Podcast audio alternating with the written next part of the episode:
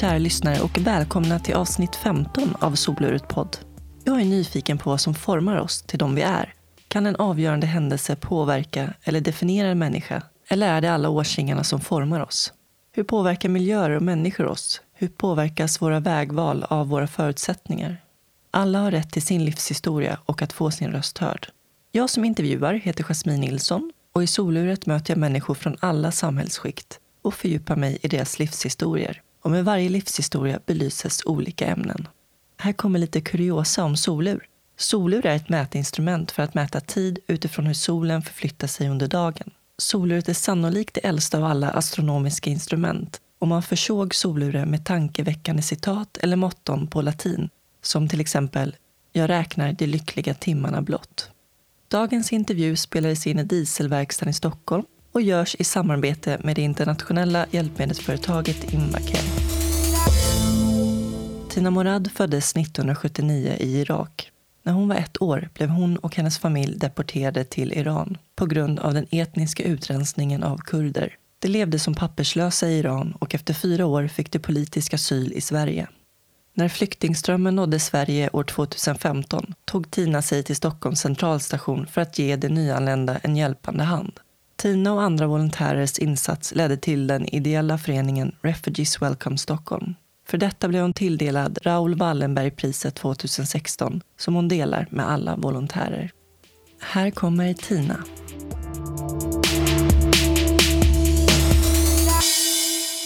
Ja, men, eh, vi sätter igång helt enkelt, Tina. Välkommen till soluret. Tack så mycket. Hur är läget med dig? Det är bra, det är kallt och det är snuvigt. Och du har varit på resande fot. Ja, det kan man säga. Jag kom precis tillbaka upp från Sydafrika. Vad har du gjort där? Jag pendlar, om man nu kan säga så. Jag pendlar mellan Sverige och Sydafrika. Där har jag min man och hans barn. Och sen har vi börjat sätta grunden för vår foundation, en ideell verksamhet som i sin tur är kopplad till ett socialt företag. Okej. Vad går det ut på då? Vår verksamhet baseras på ett par olika områden. En del av det handlar om advocacy, det vill säga att höja sin röst i samhället. En annan del handlar om women and youth empowerment. Och det handlar framförallt om att stärka kvinnor, unga flickor och ungdomar, eller ungas rätt att få komma till rätt plattform, kunna utvecklas och kunna få faktiskt ett jobb, utbildning och eh, en social plats i samhället. Och sen så har vi också som sagt en expansion som sedan går till Tyskland där andra basen är. Och sen så småningom så blir det Sverige. Spännande. Så det är väl den ena delen av arbetet. Sen den andra delen handlar ju om mig som person som åker runt oftast och antingen deltar i konferenser, seminarier, workshops, you name it. Vad skulle du säga att ditt hem är nu då? Uh, ja. Nu? Det har aldrig varit ett hem riktigt. Alltid flängt omkring jag har liksom inte riktigt haft ett fast hem någonsin. Men jag har olika hem. Det känns bra. Mm. Jag tänker att det ligger i linje med också ditt engagemang som du har haft hela livet. Att eh, stärka kvinnors position och rättigheter. Och jag tänker också ditt engagemang mot rasism och förtryck ja, orättvisor helt enkelt. Det har mm. varit som en röd tråd genom hela ditt liv, har jag förstått det som. Ja, det har det. Och det har väl också varit en specifik fokus på minoritetsgrupper framför allt. Och det har ju varit olika vändor med polariserat klimat under allt från 80, 90, 2000-talet så har det ju varit fram och tillbaka till att arbeta för nyanlända, som det heter nu. Men då var det ju flyktingar. Och sen innan dess har det ju alltid kallats invandrare. Så att jag har liksom varit väldigt allergisk mot ordet invandrare. Hur länge vandrar man? Ja, precis. Uh, så det är väl liksom lite det som, som har varit min röda tråd. Mm. Uh, just för att det står mig nära och det har väl färgat vår familj och samtidigt uppväxten och sen det vuxna livet på ett eller ett annat sätt. Så det, är liksom, det hör ihop. Det ena utesluter liksom inte det andra. Men vi kan väl ta det från början. Mm. Du föddes 1979 ja. i Bagdad. Det stämmer. I Irak. Och eh, när du bara var ett år så var ni tvungna att fly.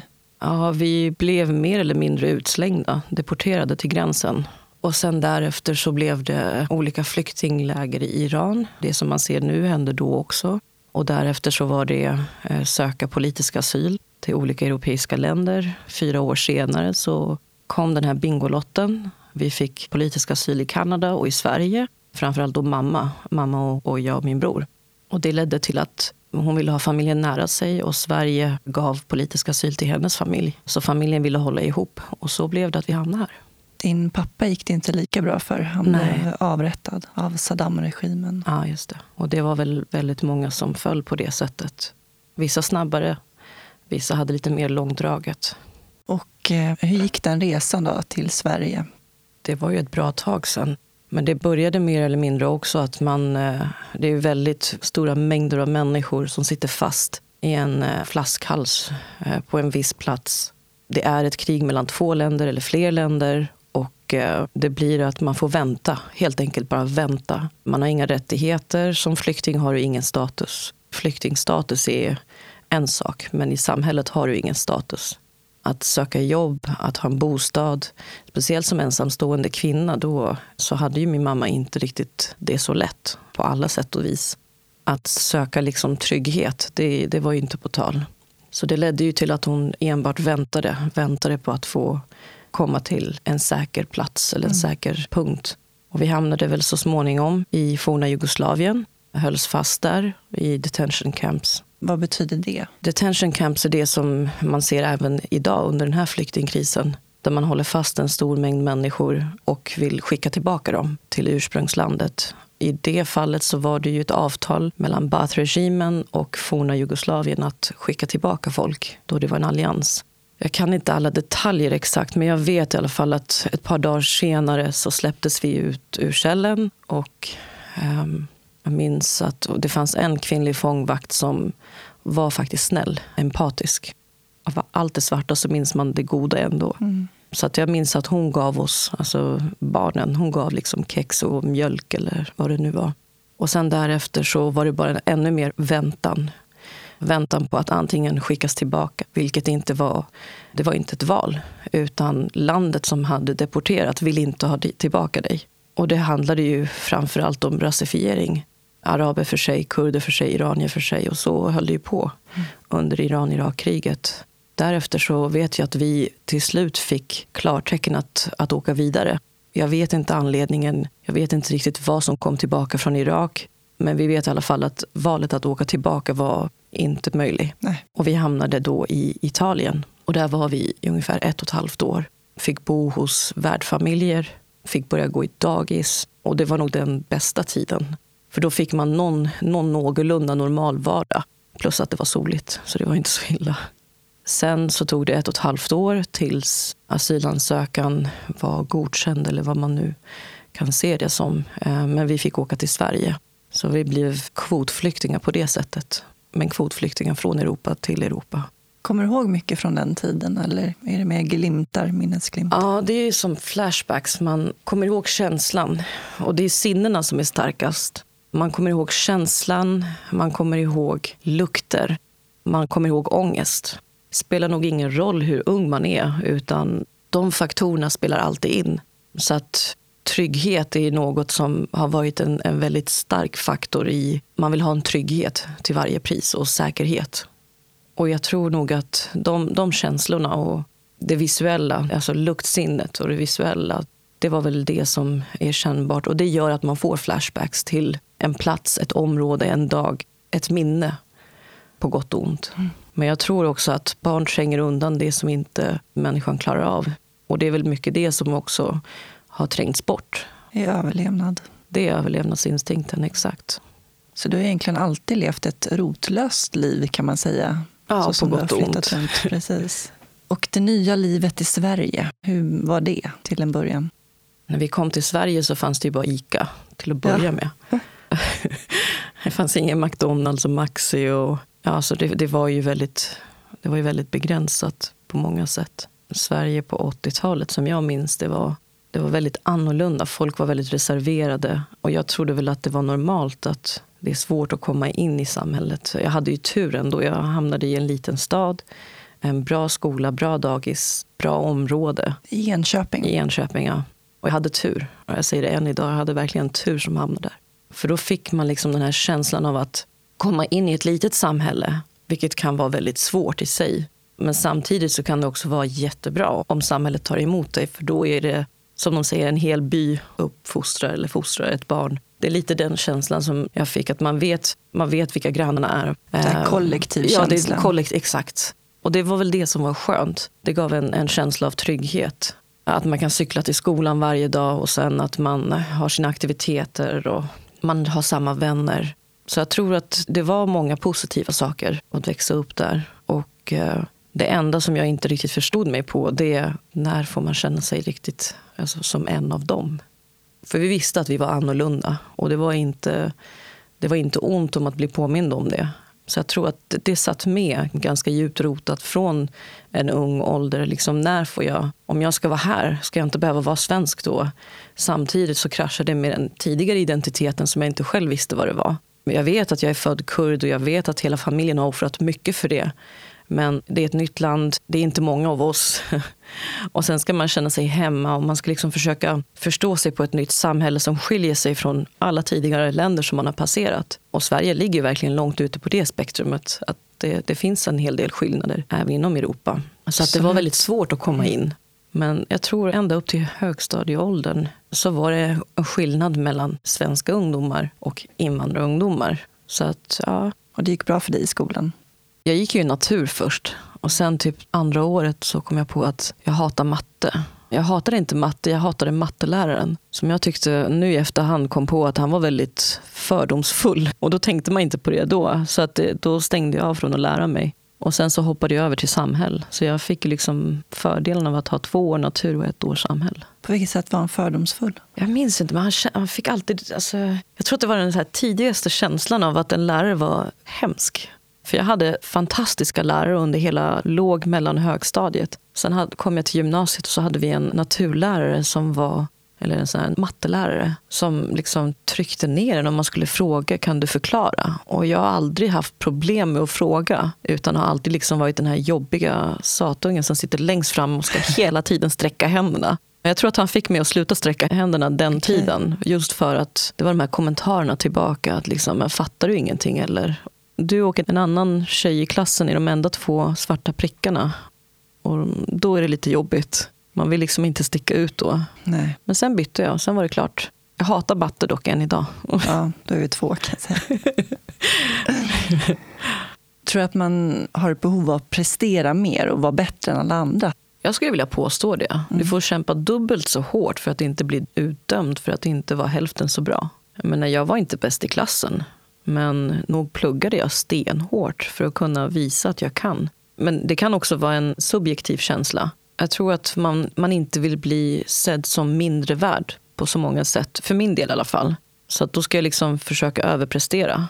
Nu på äldre dagar, nu låter jag som en gammal tant. Nej, men nu har jag liksom börjat släppa till och bara, ah, men jag ska inte liksom lägga mig i, det får gå som det går. Men det här kontrollbehovet tror jag har varit enormt. Att behöva kontrollera saker och händelseförlopp så att det inte går fel. Och det kan också göra att man hela tiden vill visa att man kan. Jag tror det.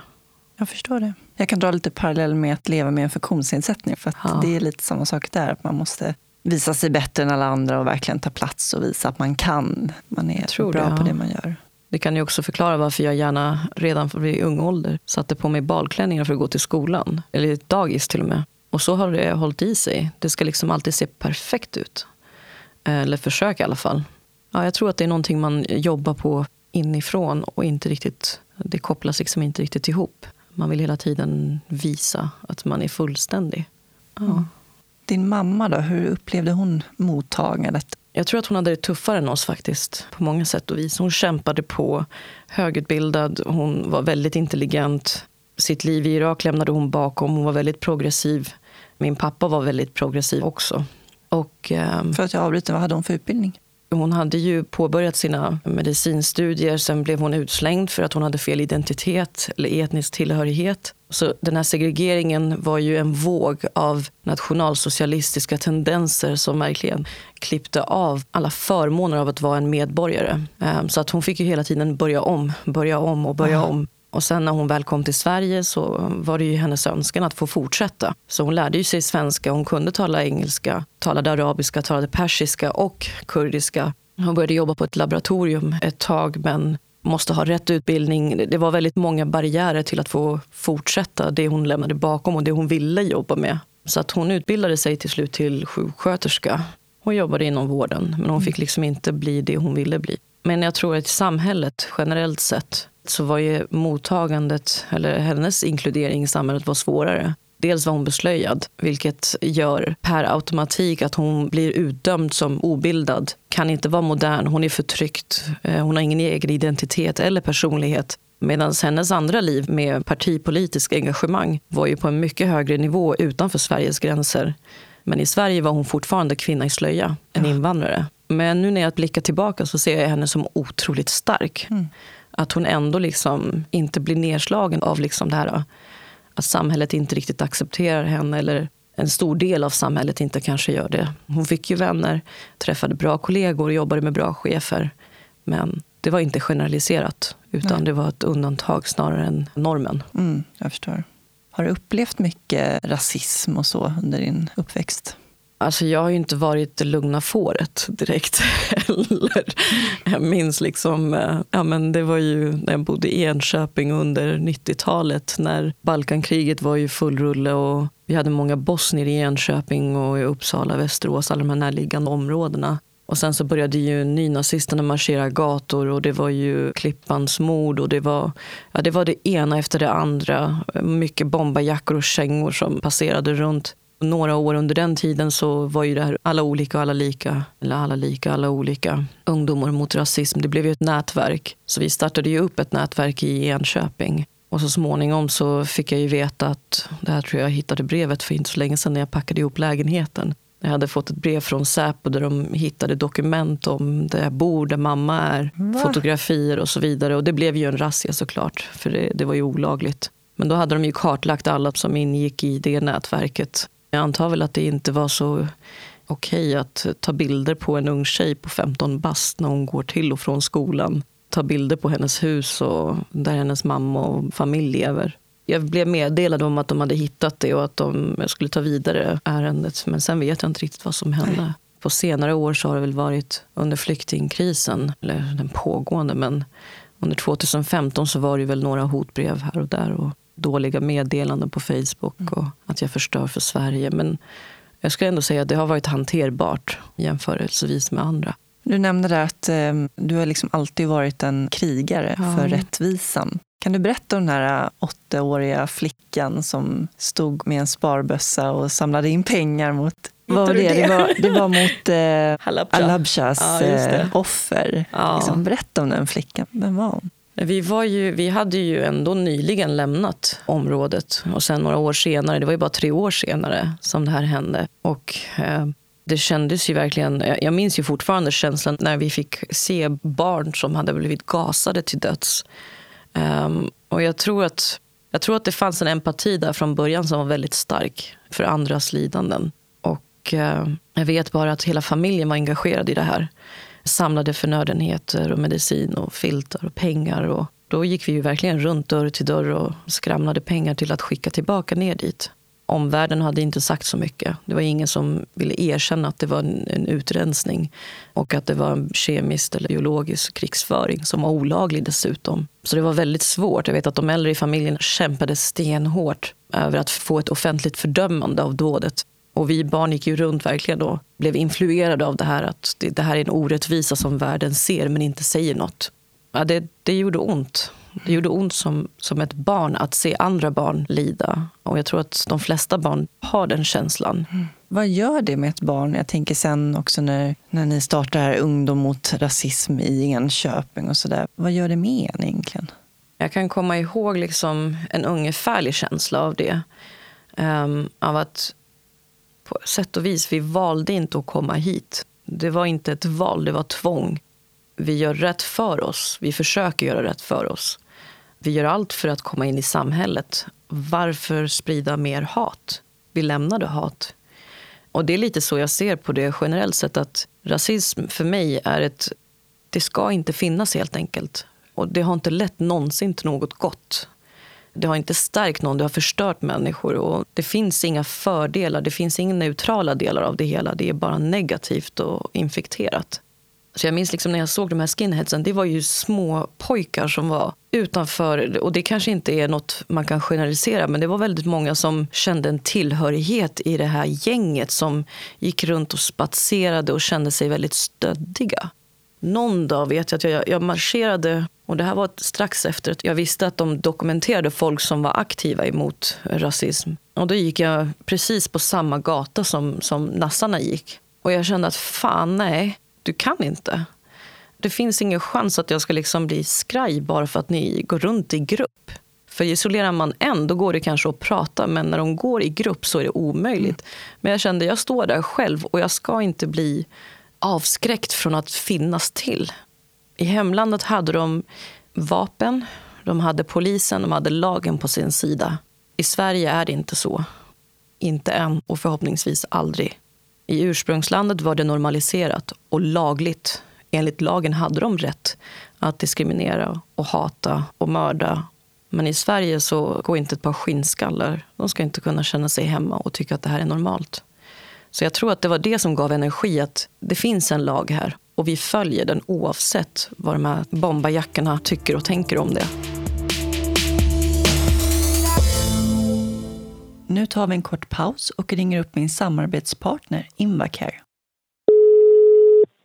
Invacare, Mikael Forsman. Tja Micke, det är Jasmin här från Soluret. Hur är läget med dig? Du, det är bara bra med mig. Nu börjar man ju se ljus i tunneln och våren börjar sakta men säkert göra sitt antågande. Ja, mycket skönt som rullstolsburen måste jag säga, att snön sakta men säkert tynar bort. Ja, det har jag full förståelse för. Kan du berätta vad du gör för någonting på Invacare? Min uppgift på Invacare är att jag är produktchef för eldrivna rullstolar, syrgaskoncentratorer, skotrar och påskjutsaggregat. Tillbehör som man sätter på manuella rullstolar. Precis som mina motionhjul som jag har. Exakt. Vad har ni haft på agendan senaste tiden? Enormt mycket upphandlingar för tillfället. Förra veckan så var vi nere i Lund och hade mässa där och nästa tillfälle här i Stockholm, jultorget som är i maj. Och eh, så kommer vi ut och visa upp vilka Invacare våra produkter och träffa både förskrivare och konsulenter, tekniker men även användare av hjälpmedel också. Vilket alltid är lika intressant och lika kul. Ni har ju ett motto som är Yes you can. Kan du berätta om det?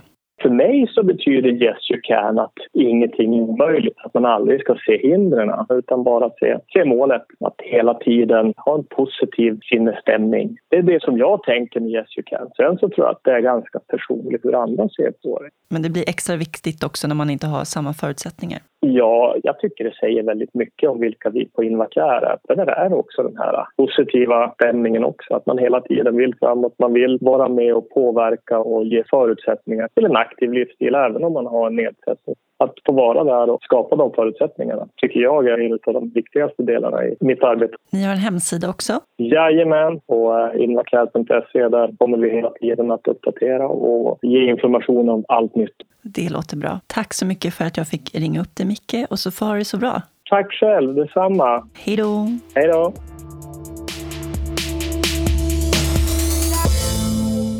Du har beskrivit det som också att, eh, att vara en flykting, eller ha varit en flykting, har gett ett ärr för livet. Det här ärret, hur präglar det dig idag? Det kanske är lite för intimt att säga det, men jag tror att jag vågar säga det nu mer öppet än vad jag kanske någonsin skulle ha gjort tidigare år. Men det är som att man observerar världen som ser normal ut och gärna vill se hur man kan passa in i det där normala. Men så vet man att någonting fattas. Det är alltid en del som fattas. Och det går inte riktigt att, att fixa den delen. Jag kan nog inte beskriva det på något annat sätt. För det är som att du tittar utifrån och in och du försöker luska ut hur du kan bli så vanlig som möjligt och inte komma ihåg att du inte är en av dem. Jag tror nog att det är det som gör att... Jag ser nog ärret som något positivt, trots allt. Och det är väl framför allt att jag inte vill att någon ska känna sig utanför eller känna sig underlägsen eller känna sig utsatt. Så det stärker på det sättet. Men det som utmärker mig framför allt nu när jag har familj, eller egen familj. Um, jag har inte velat stadga mig, inte velat ha barn. Och det känns nu liksom att jag ser hur min man och hans barn är. Och så försöker jag liksom förstå mig på, okej, okay, hur... Men tänk om jag kommer med mina trauman och försöker påverka dem till att tänka annorlunda eller bete sig. Eller det kanske är jag som är för... Man känner sig skadad eller trasig på något sätt och ska försöka hela sig själv. Men det går inte alltid. Det går till en viss gräns. Så det är väl en bearbetningsperiod, tror jag, hela livet ut. Mm. Men eh, du har ju ändå använt den styrkan och kraften från det här ärret till att hjälpa många andra. Inte minst tänker jag på Refugees Welcome Stockholm. Kan du berätta lite om hur det började? Vi var ju flera stycken som var delaktiga i det här. Det växte väl fram väldigt snabbt. Det var en hel del grupp av människor som inte kände varandra. Och sen såg man det här, den här situationen som inte gick att hantera på egen hand och det fanns inga myndigheter. Jag hade väl tur att träffa människor som var väldigt engagerade och kände en plikt till att hjälpa till. Och sen blev det att den här rörelsen växte fram från att olika individer la ner sin tid. Olika vanliga människor från olika samhällsskikt valde att lämna sina familjer, valde att lämna jobben och utbildningar och stannade bara kvar på Centralen. Det gjorde att rörelsen blev till en organisation, en förening. Sen hade vi ju ett par stycken som av slump egentligen steppade upp och sa att jag kan, ta, jag kan liksom vara med och, och styra upp det här. Så vi var ju egentligen tre stycken till och från i början. Så småningom så kände vi en press att det ska bildas en riktig förening för att kunna få tillträde till det här offentliga rummet och samordna med andra organisationer. Så vi blev ju en, eh, en styrelsegrupp med, jag tror att det var sju eller nio personer. För min del var jag ju intresserad av att stoppa det som kommer. Och jag såg ju liksom att våra volontärer var ju så, det var ju väldigt unga och äldre människor men som verkligen lämnade allt bakom sig och hjälpte till dag ut, dag in. Och det kommer vara vänner för livet för att du har sett dem i det absolut värsta tänkbara scenario och de stod ut. De fick inget pris, de fick inget erkännande. Men de finns på min Facebook och vi vet vilka de är. Och än idag så är de det är liksom hjärtan av guld.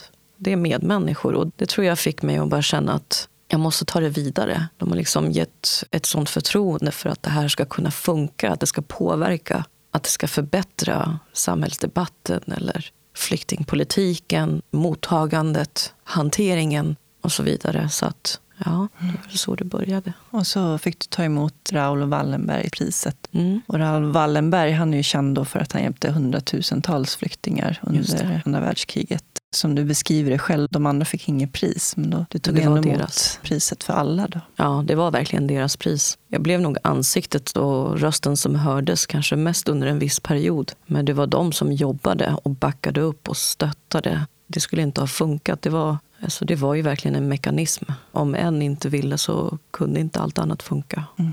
Hur kändes det då? Ändå? Det var ju ändå ett erkännande för allt det jobb ni hade gjort tillsammans. Det kändes verkligen mäktigt. Jag minns när jag fick samtalet den morgonen. Då satt jag på ett HVB-hem och hade precis öppnat upp ett med några kollegor. Jag tror bara att jag frågade varför. jag kunde inte riktigt förstå det. Men vad menar du? Varför jag? Och det, det känns ju så här, verkligen som att ja, men man säger så här, ja, men varför jag och så vidare. Men jag var verkligen chockad och frågade om igen, är du säker?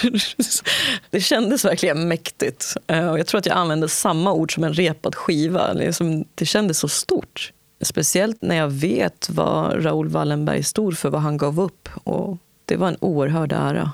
Jag läste motiveringen bland annat att det handlar om din förmåga att organisera för medmänsklighet. Det känns hedrande. Ja, det är, det är stort. Ja, nej, det, det kändes verkligen hedrande. Jag tror att jag vet inte, nu i efterhand så kan jag tänka, jag lät säkert som en galning, en så här vansinnesdåd.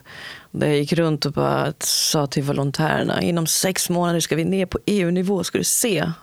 Och sen så kommer en inbjudan och vi står så får åka till någon EU-kommission för att prata. Mm. Och, och, nästa gång så ja, vi ska ta det här till FN, skulle det se. Och sen så märkte de liksom så, här, så småningom att ja, men vissa saker hände faktiskt. Men jag tror att jag lät mer som en galning som verkligen ville förändra världen. Det var nog mycket som pågick. Det var så intensivt. Det var för mycket känslor. Det var, det var allt möjligt. Mm. Jag tror att man var verkligen på den här the edge hela tiden. Och nu när man tänker i efterhand så att mobilisera människor, att få dem att och liksom göra saker utan att de får betalt för det. Att de lämnar sina liv och och det var ju så många unga volontärer som jag minns var unga tjejer, så fantastiska tjejer som liksom studsade in och sa ja, men vi kan inte gå tillbaka. Det, det här var inte, jag får inte betalt men jag vill vara här för det här är familj. Då känns det varmt. Det hjälpte att höra det, att de står utanför i centralen mitt i vintern och det har hållit på i ett bra tag. Och så kommer liksom de här tjejerna, unga tjejer som kan vara ute och göra vad som helst annat. Men de kom alltid tillbaka. Och det är jag så tacksam för. Det, är verkligen, det, det skulle inte ha varit möjligt utan dem. Eller de här grabbarna som kom från förorten. Alla de drog ett sånt tungt lass. Och de ställde upp i vått och torrt. Och det var, det var så mycket som gjordes och det skulle inte ha varit möjligt. Så att mobilisera dem vet jag inte, men på något sätt så det gick. Vad är ditt starkaste minne från den tiden när du stod där på centralstation? Uh, mitt starkaste minne är fortfarande, tror jag, det finns ju många. När volontärerna berättar om den här kvinnan vars dotter hade gått bort och hon hade fått ett sånt enormt trauma. Det hamnade ju i tidningarna. Ehm, mitt minne var ju hur volontärerna reagerade. Alla historier de fick höra och hur gärna de ville hjälpa till. Även om det kanske inte var bästa sättet att hjälpa så ville de bara hjälpa. Det var mycket som hände. Men en man minns i alla fall som hade flytt från Syrien. Han hade hamnat i en gummiflotta och hans bror hade hamnat i en annan. Båda sjönk, men han tappade bort sin fru i vattnet. Tappade bort sitt barn. Det enda han hittade det var från hela hans brors familj. Så hittade han brorsdottern och höll fast och klamrade sig fast vid henne och tog bara sig vidare. De skulle återförenas i Norge. Jag minns bara känslan av att se honom, för han hade så mycket skräck och verkligen litade inte på någon.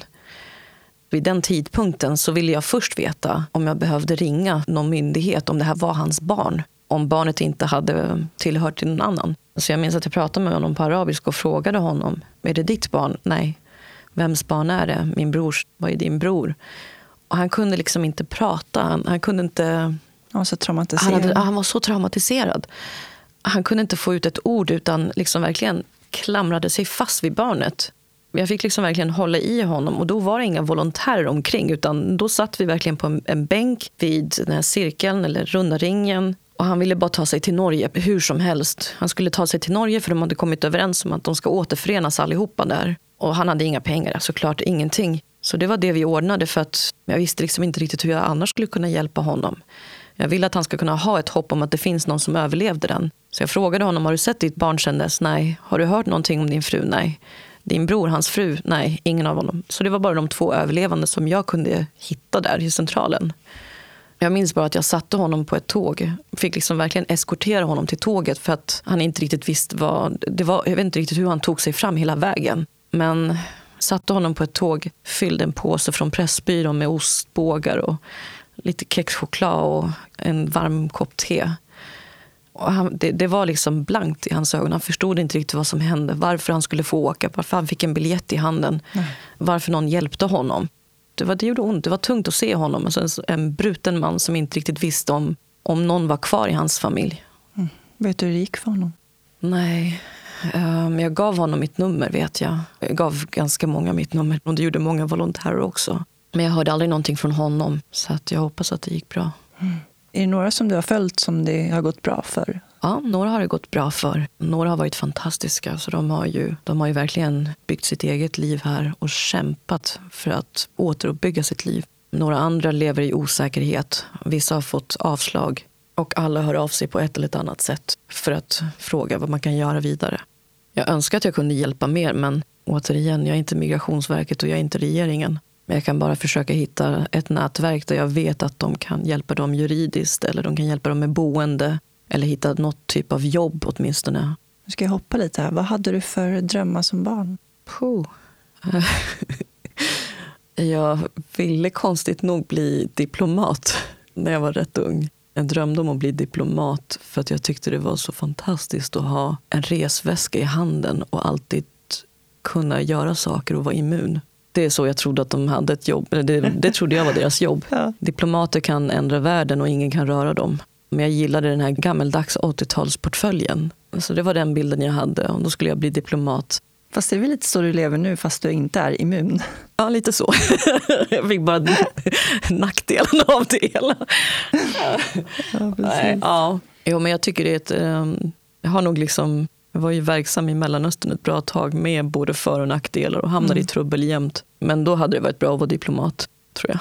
För du har ju varit eh, utanför Sveriges gränser en hel del och mm. Eh, varit i konfliktområden också. Mm. Då var det ju pågående. Jag lämnade Sverige för många år sedan, fram och tillbaka hela tiden. Och det var ju framförallt det året vi fick reda på att min pappa hade avrättats. Så det var nog lite för mycket för mig att hantera.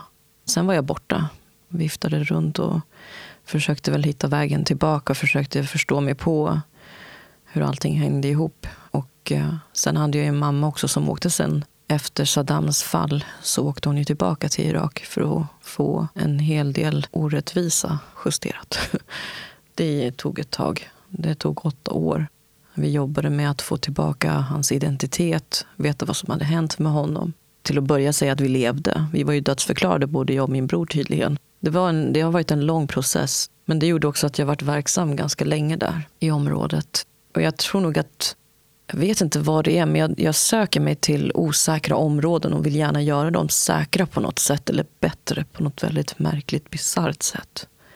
Så jag hamnade ju, jag tyckte alltid det var fantastiskt. Jag fick åka iväg på uppdrag av olika konsultfirmor och så skulle jag plötsligt vara någon säkerhetsexpert, lära mig på jobbet om hur olika satellitteknologiska lösningar ska funka och det var ju ingen som ville åka dit var ingen som ville sätta sin fot i Afghanistan eller Jemen. Nej. Speciellt inte våran, mina gamla chefer var ju europeiska, västerländska medelålders män som nyligen har fått barn och köpt en villa och en fin bil.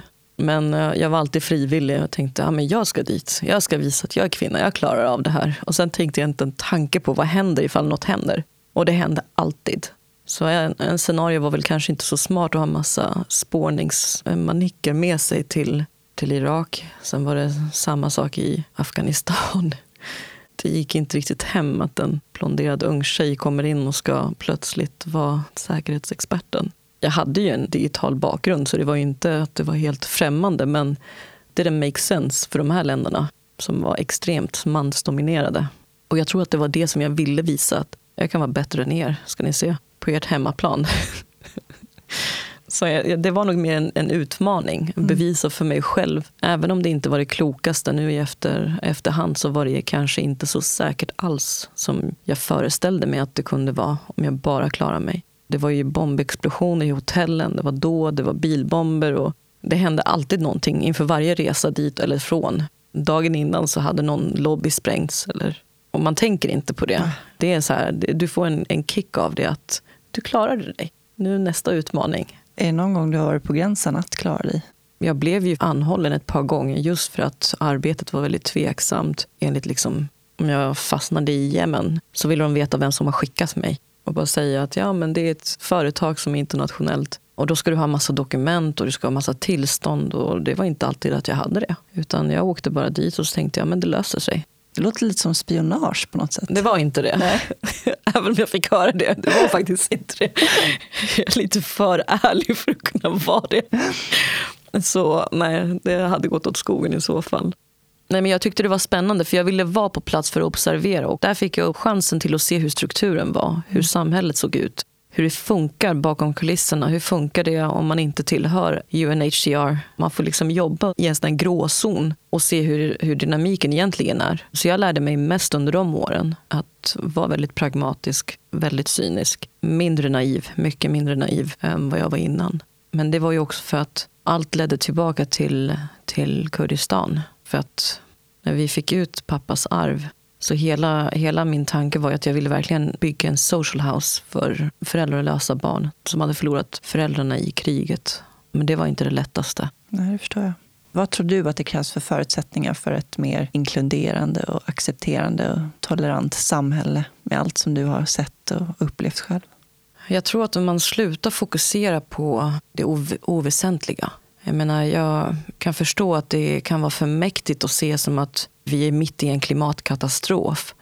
Om du pratar med, med liksom the average Jane Doe och hon tänker ju bara på men vad blir det för mat till helgen eller var ska vi planera nästa semester. Det är lättare för den personen att associera med någon som är annorlunda än att tänka vi kanske inte har ren luft att andas inom 30 år. Och det här kanske inte riktigt hänger ihop, men det hänger ihop. Ju mer vi slutar fokusera på det oväsentliga, desto mer kan vi fokusera på det som faktiskt är väsentligt. Det är att liksom se en planet som en delad planet och inte territorium för var och en.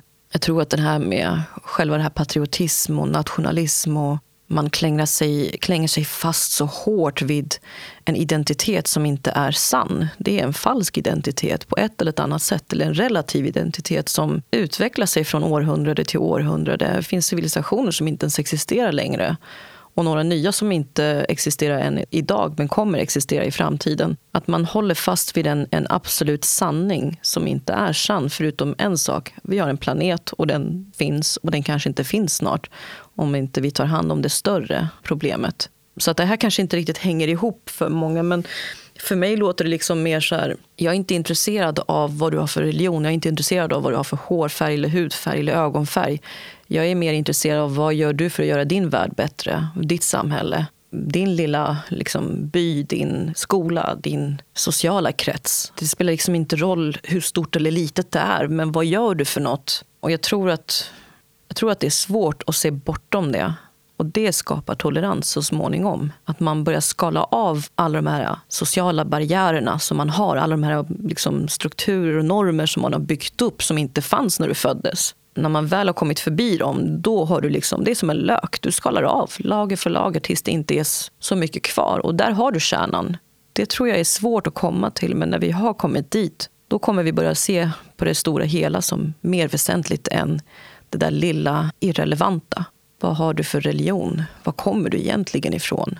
Vad har du för hudfärg? Det är inte väsentligt.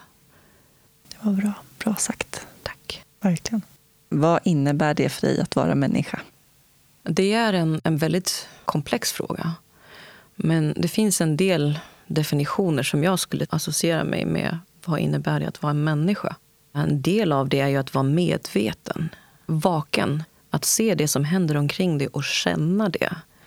Och jag tror att när man känner så kan man också agera. Att kunna ha en empatisk förmåga. Utan empati så lever man inte riktigt på samma sätt. Och det som kanske låter väldigt banalt, men det är verkligen livsviktigt. Att kunna ge och få kärlek, det gör dig mänsklig. Och det gör dig också till en människa. Att kunna sätta sig in i andras situationer, det är för mig också att vara en människa. Du är inte en robot. Du följer inte instruktioner. Ja, det är en del av de faktorer som jag ser som att vara en människa. Vad betyder frihet för dig? Ja, ja den tänkte jag på faktiskt. Är friheten, det sitter ihop med det här att skala av alla de här begränsningarna som man har byggt på sig sedan barndom. Frihet är lite som jag ser det, som ett naket barn men som vid vuxen ålder ser ut som en skidåkare med alla pjäxor och kläder och lager på lager kanske inte är rätt liksom, definition, men det är lite så att man liksom bara samlar på sig massa bagage.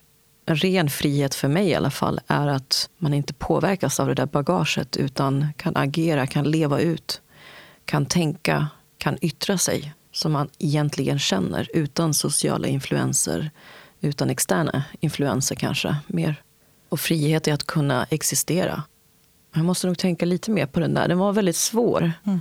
Men det är lite så jag ser på frihet. Förutom det här rätten att prata, rätten att... Allt det där är ju liksom en väldigt konkret definition. Men det abstrakta är, när är du egentligen fri? Är det när du har fått ditt lands självständighet? Är det när du tror att du har rätten över din egen kropp eller rätten till att tänka fritt? Eller vad är frihet? Så det är en, en djup filosofisk mm. fråga. Verkligen. Men eh, att skrapa på ytan, det är som att se det som ett naket barn som växer upp och har en massa olika bagage på sig som tynger ner dem. Och när man har friheten att slänga av sig allt bagage och gå tillbaka till hur man egentligen vill vara, vare sig det är att tala fritt, tänka fritt, leva fritt. Ja, lite så. Vad gör dig arg? En hel del saker. Orättvisa, självklart. Jag tror att det är ganska givet. Jag kan bli förbaskat arg när jag ser att något orättvist sker eller jag utsätts för en orättvis behandling eller någon jag känner och ser eller läser om eller det kokar lätt över. Då är det liksom en särbehandling. Särbehandlingar får mig att, att verkligen bli förbannad och diskriminering. All typ av orättvisa. För att det gör att någon anser sig stå över någon annan. Hur yttrar sig ilskan då? Jag försöker jobba på det. Nej, men um, jag har kommit fram till att bli förbannad och vräka ur sig en massa, liksom, om det nu är en etnisk utrensning som pågår, om jag tittar på en större skala, inte liksom mitt privata liv. Jag har kommit fram till att ja, det är jättebra att höja rösten, det är jättebra att stå och propagera för rätt syfte. Men jag vill jobba på ett holistiskt sätt och inte känna utan tryck ner ilskan och förvandla den till något konkret. Något som faktiskt kan hjälpa till att förbättra situationen eller till att ändra situationen. Så att jag försöker liksom paketera om den här ilskan och förvandla den till något annat som kan användas på ett bättre sätt än att vråla ilsket. Projicera ilskan till något som kan konstruktivt tillföra något. Sen om jag liksom tittar, självklart blir jag arg. De som känner mig känner mig väl. Jag kan vara ett lamm, men jag kan också bli ett lejon lätt och ofta. Men det är oftast när jag känner att, och jag tror att det, det har liksom med den här inre kompassen, att något har tagits ifrån orättvist. Jag kan gå väldigt långt till att försöka försvara den som är utsatt eller mig själv. Vad gör dig lycklig? Om jag ska tänka lite själviskt. En strand, sol och blått vatten. Det gör mig jättelycklig. Jag behöver inget annat. Men om jag tänker på annat, det är liksom att jag lever i ett samhälle som faktiskt kan inkludera. Ibland ser jag det. Och då, då blir man liksom lite så här, man blir lite varm inombords. Man ser liksom att hur det var på min tid, hur det är idag. När det finns de här fina glimsarna av att det finns hopp, det kan göra mig riktigt lycklig. Att jag har kommit långt. Och sen familjen såklart. Nu kommer vi till en fråga som vi har snuddat lite vid redan. Det här med drömmar. Men vad drömmer du om idag?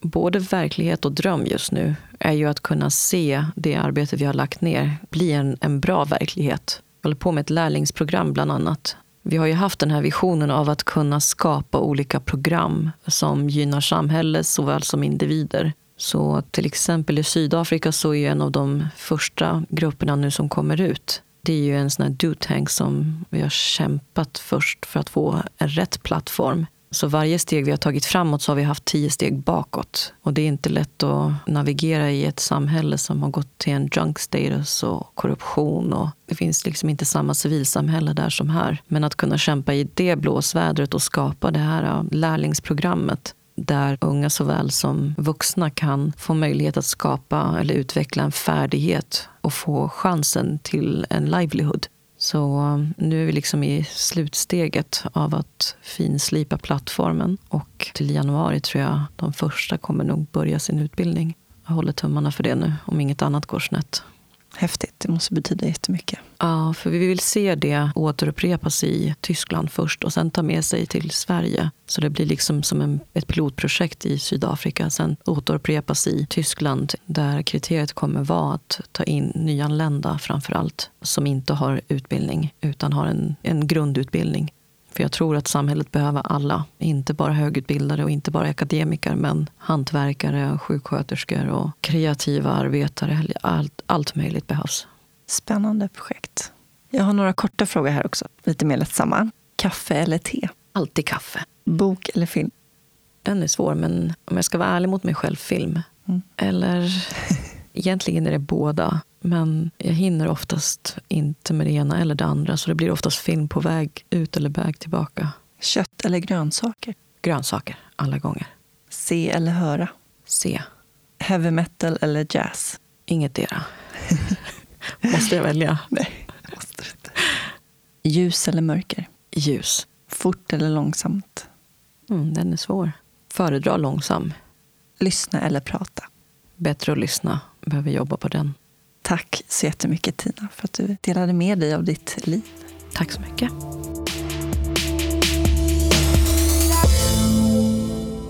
Vilken tankeväckande livshistoria som vi har mycket att lära av när det kommer till att vara medmänniska och om vår förmåga till empati och medkänsla för vår nästa. Det är i mötet med medmänniskan som vi visar vilka vi är. Tinas insats gjorde skillnad för tusentals nyanlända. Om det inte är min eller din uppgift att vara medmänniska, vems uppgift är det då? För mer information om Tina och hennes projekt kan ni gå in på hennes hemsida, tinamorad.com.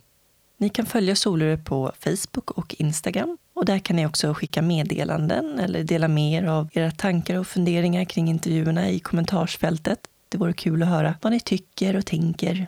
Om ni prenumererar på podden i er podcastapp får ni upp avsnitten direkt i er mobil och betygsätt gärna Soluret på iTunes. Tack än en gång Invacare för samarbetet. Mer information om Invacare och deras produkter hittar ni på invacare.se. I nästa avsnitt får ni möta Pontus Grotz. Pontus har gjort en häpnadsväckande klassresa. Från att ha varit hemlös som barn, bott på diverse behandlingshem, härbergen, flyttat omkring hos olika fosterfamiljer och påbörjat en kriminell bana till att bilda familj på Östermalm och driva 20 framgångsrika företag på Stureplan. Pontus har varit med och startat den ideella föreningen Starka Tillsammans vars huvudsyfte är att hjälpa barn och ungdomar som är i ett ekonomiskt eller socialt utanförskap. Han brinner även för Mentorsprojektet som går ut på att vägleda ungdomar från svåra förhållanden till att finna deras inre drivkrafter och skapa bättre förutsättningar. Avsnittet publiceras måndag den 2 april. Med tanke på dagens gäst avslutar jag med ett citat av Raoul Wallenberg. En person kan göra skillnad. Tusen tack för att ni lyssnade och vi hörs igen om två veckor.